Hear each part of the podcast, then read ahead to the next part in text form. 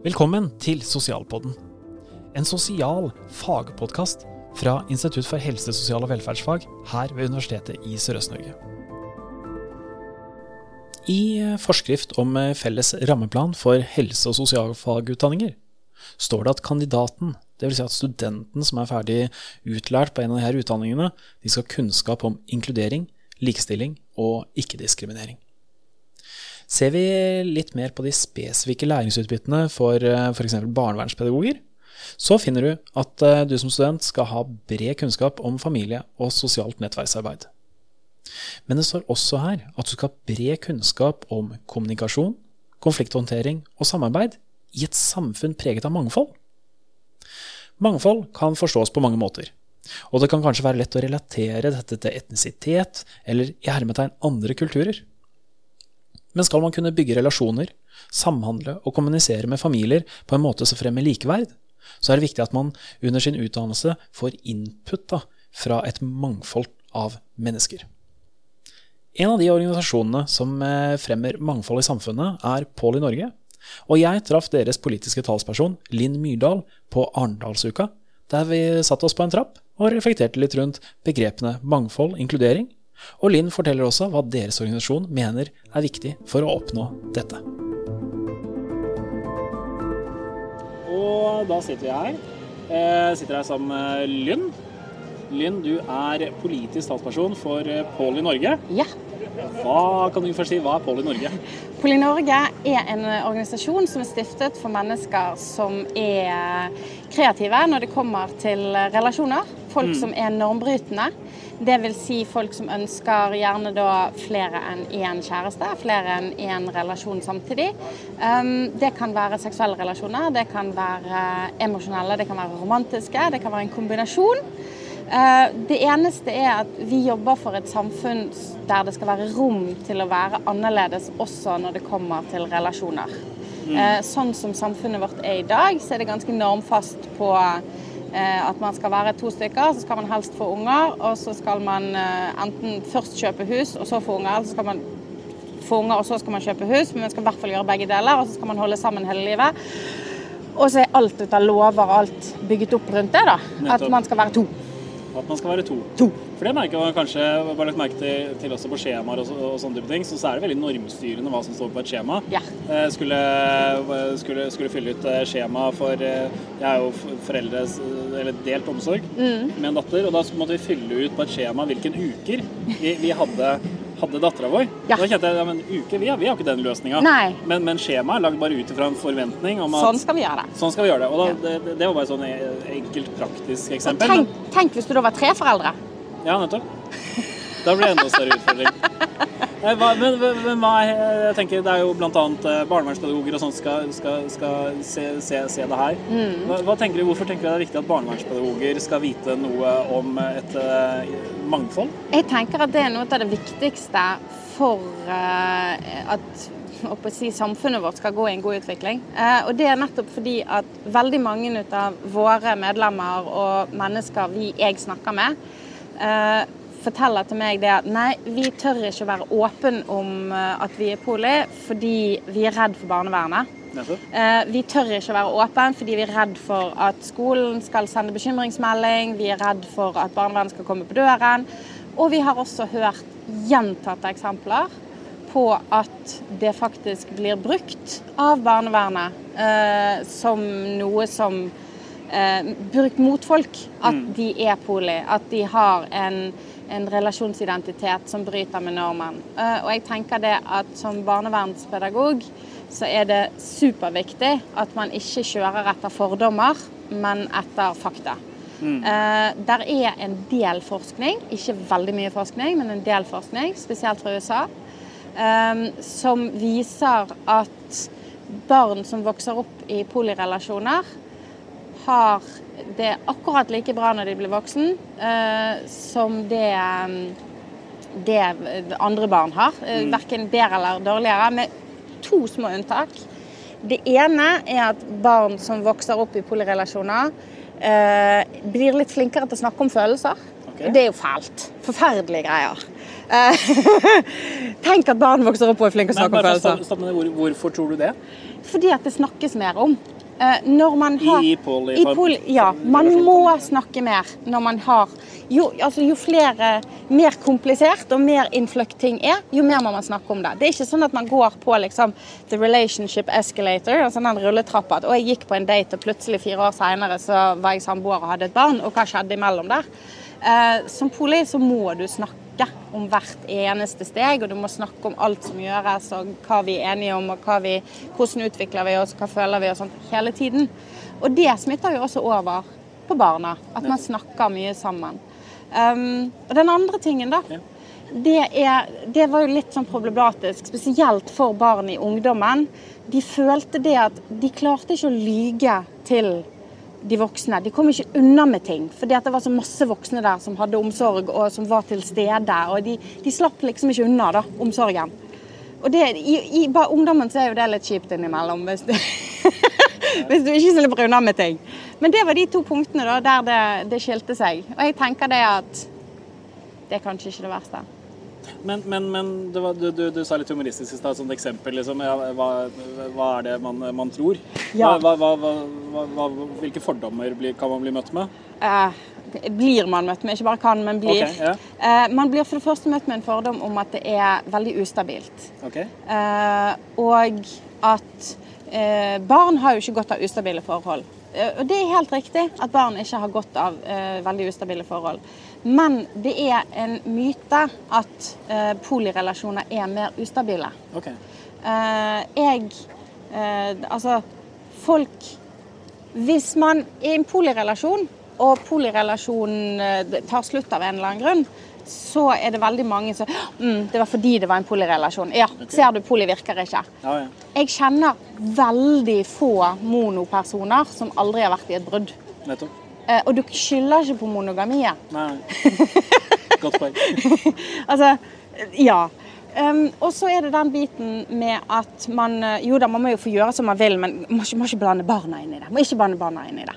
Eh, Hvilke, hvilke tanker er det som ligger bak det? da? det, altså, jeg har jo en sånn følelse av at man tror det at fordi man er poli, så hopper man rundt og har trekant på kjøkkenbordet mens ungene spiser frokost. Og hvis folk tror det at barn i polirelasjoner blir mer blandet inn i sexlivet til, til foreldrene og omsorgspersonen, så sier det mye mer om de som antar det, Ja, enn om oss. nettopp. Eh, Altså, Det er liksom ikke sånn at vi har sex på kjøkkenbordet trekanten når ungene spiser frokost. Det er jo ikke det at man blir blandet inn i sexlivet eh, på noe som helst måte. Mm. Eh, og Men det, det blir jo akkurat det samme som det skulle vært et eh, monogamt forhold også. Det, det er jo ingen som Ja. sier til deg ja, dere er monogame, så da må vi tenke litt ekstra på å skjerme barna fra seksualiteten deres. ja. Det, er, det, ja. Det, det, blir jo en feilkobling da det mellom henger ikke på og greip. seksualitet. Nei. Eh, og så er det det at jo, noen praktiserer poli med svinging. Ja. Sant? De er swingers. Eh, og det er ingen som tar med seg barna sine på, på swingerstreff, altså. Eh, og det er rimelig vanlig at voksne eh, reiser på, på turer som voksne uten den biten òg. F.eks. at besta og besten har ungene en helg, mens eh, mamma og pappa reiser til, eh, til England og ser på fotballkamp. Nettopp. Det, det er ikke uvanlig. Nei. Om man reiser til England og ser på fotballkamp, eller om man reiser til Gol og er på en swingersfest.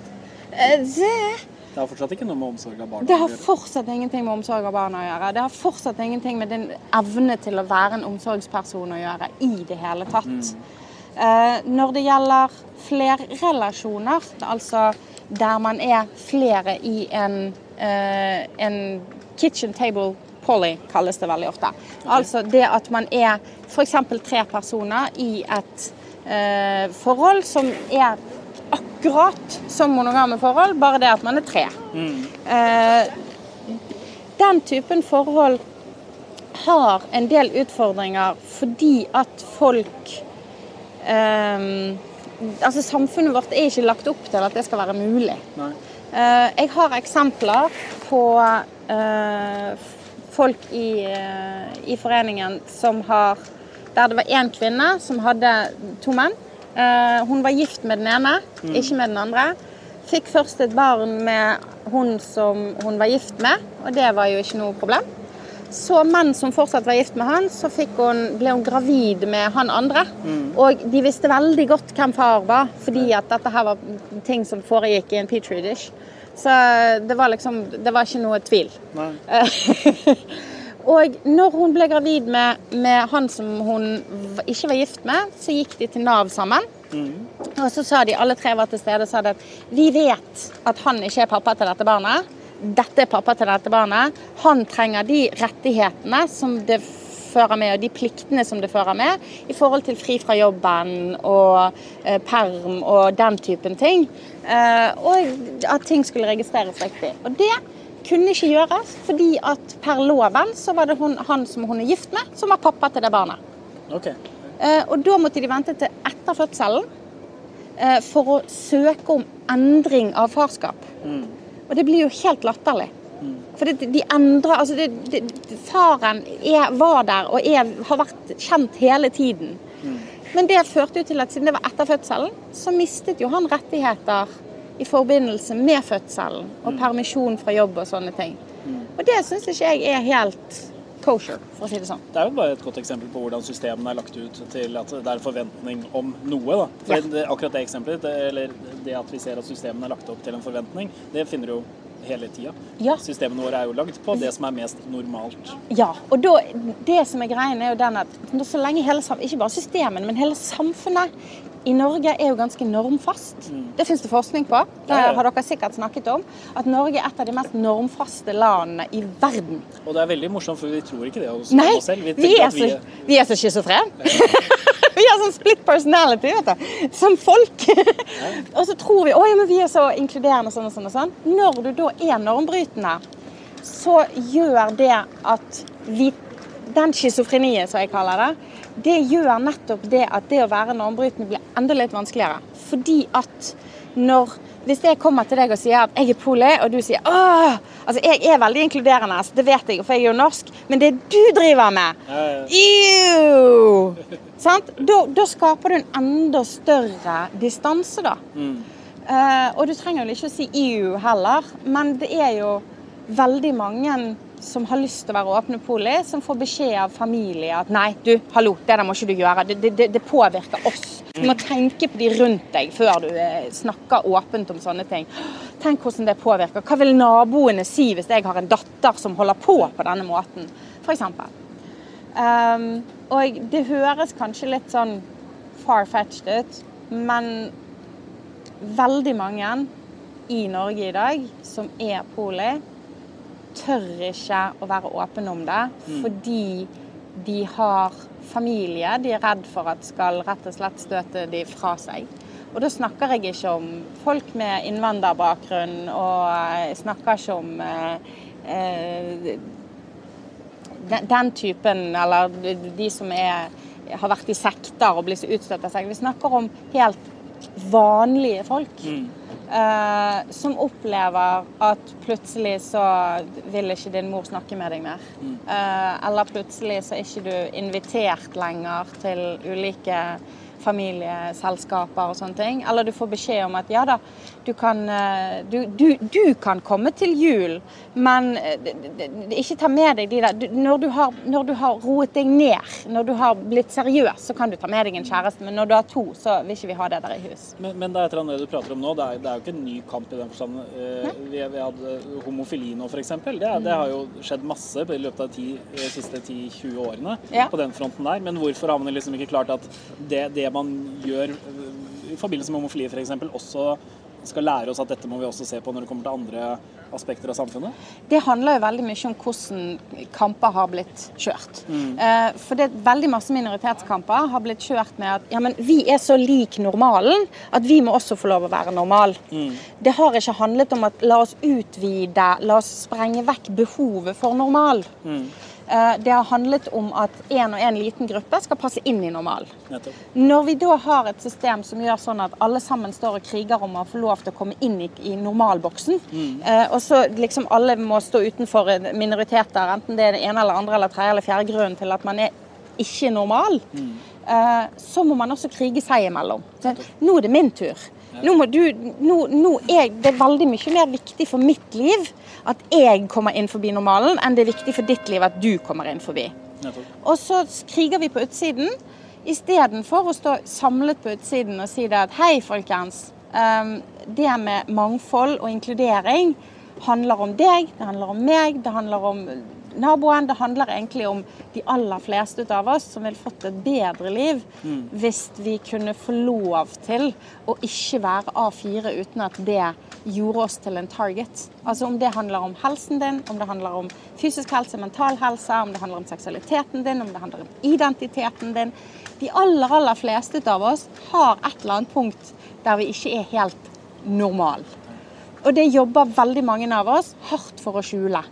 Hardt for å liksom bare Ja, men OK, vi, vi snakker ikke med disse vennene om det, fordi at da vil ikke de vennene like oss. Og så snakker ikke vi Og så blir det masse Men, men jeg tenker jo da, altså, det budskapet du hadde akkurat der, det med å utvide normalitetsbegrepet, det, det er jo ikke bare noe liksom, den ene eller den andre organisasjonen egentlig kjemper for. Det, det er jo, vi, vi er masse vi, vi prater mye om det med psykisk helse, og det er viktig å prate om det, og åpenhet eh, Mm. rundt det.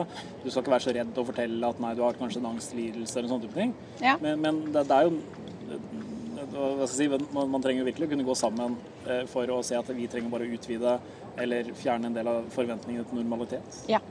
Og det er litt av grunnen. Når vi stiftet Poli Norge, eh, så hadde vi to valgalternativer. Enten så kunne vi stifte en organisasjon for de poliamorøse. Okay. Eller så kunne vi stifte en organisasjon for relasjonsmangfold. Vi valgte å gå for relasjonsmangfold.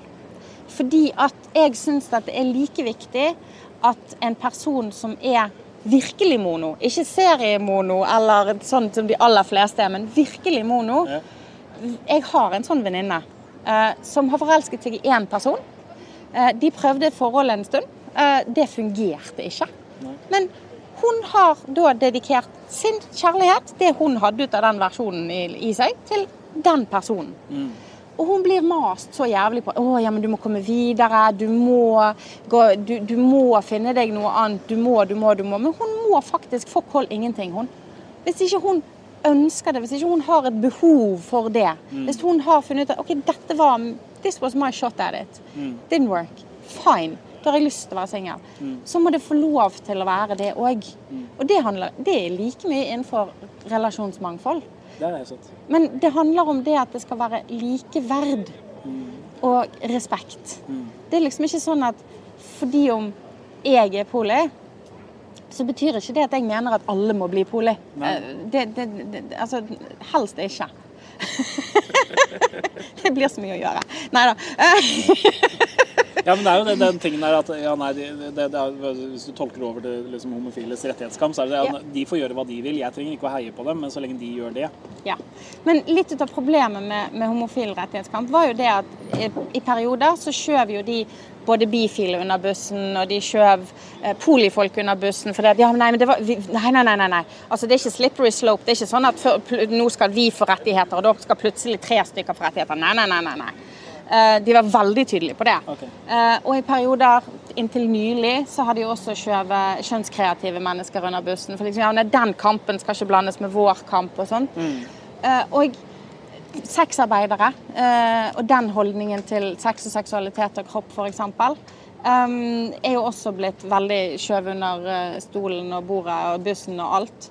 Um, men hvis du Stonewall-opprøret, som er bakgrunnen for pride, ble en av hovedpersonene bak Stonewall-opprøret var en farget transkvinne som var sexarbeider og homo. Og alle de andre delene av vedkommendes identitet ble buet av scenen et par år seinere, for da var det hvit cis-kampen. Og jeg tenker det at hvis du, hvis du sier at du støtter homokampen, men du ikke støtter transrettigheter, du ikke støtter rettigheter til sexarbeidere, du ikke støtter rettighetene til mennesker som ønsker en annen seksualitet, så støtter ikke du homokampen. Da støtter du en, en pinkwashing. En, en cis-hetero versjon av åh, ja, men dette passer inn i mitt liv. Og det handler jo ikke om Altså, det handler om alle, men alle rettigheter trenger ikke være dine. Nei. Så bra. Og det tror jeg er den perfekte ordene for en avslutning av videoen. Ja. Tusen takk, det var morsomt å prate med deg. Takk for at jeg fikk være med. Og hvis noen trenger noe fra Poli Norge, foredrag, at vi kommer og snakker der dere begynner å jobbe en eller annen gang, give us a call.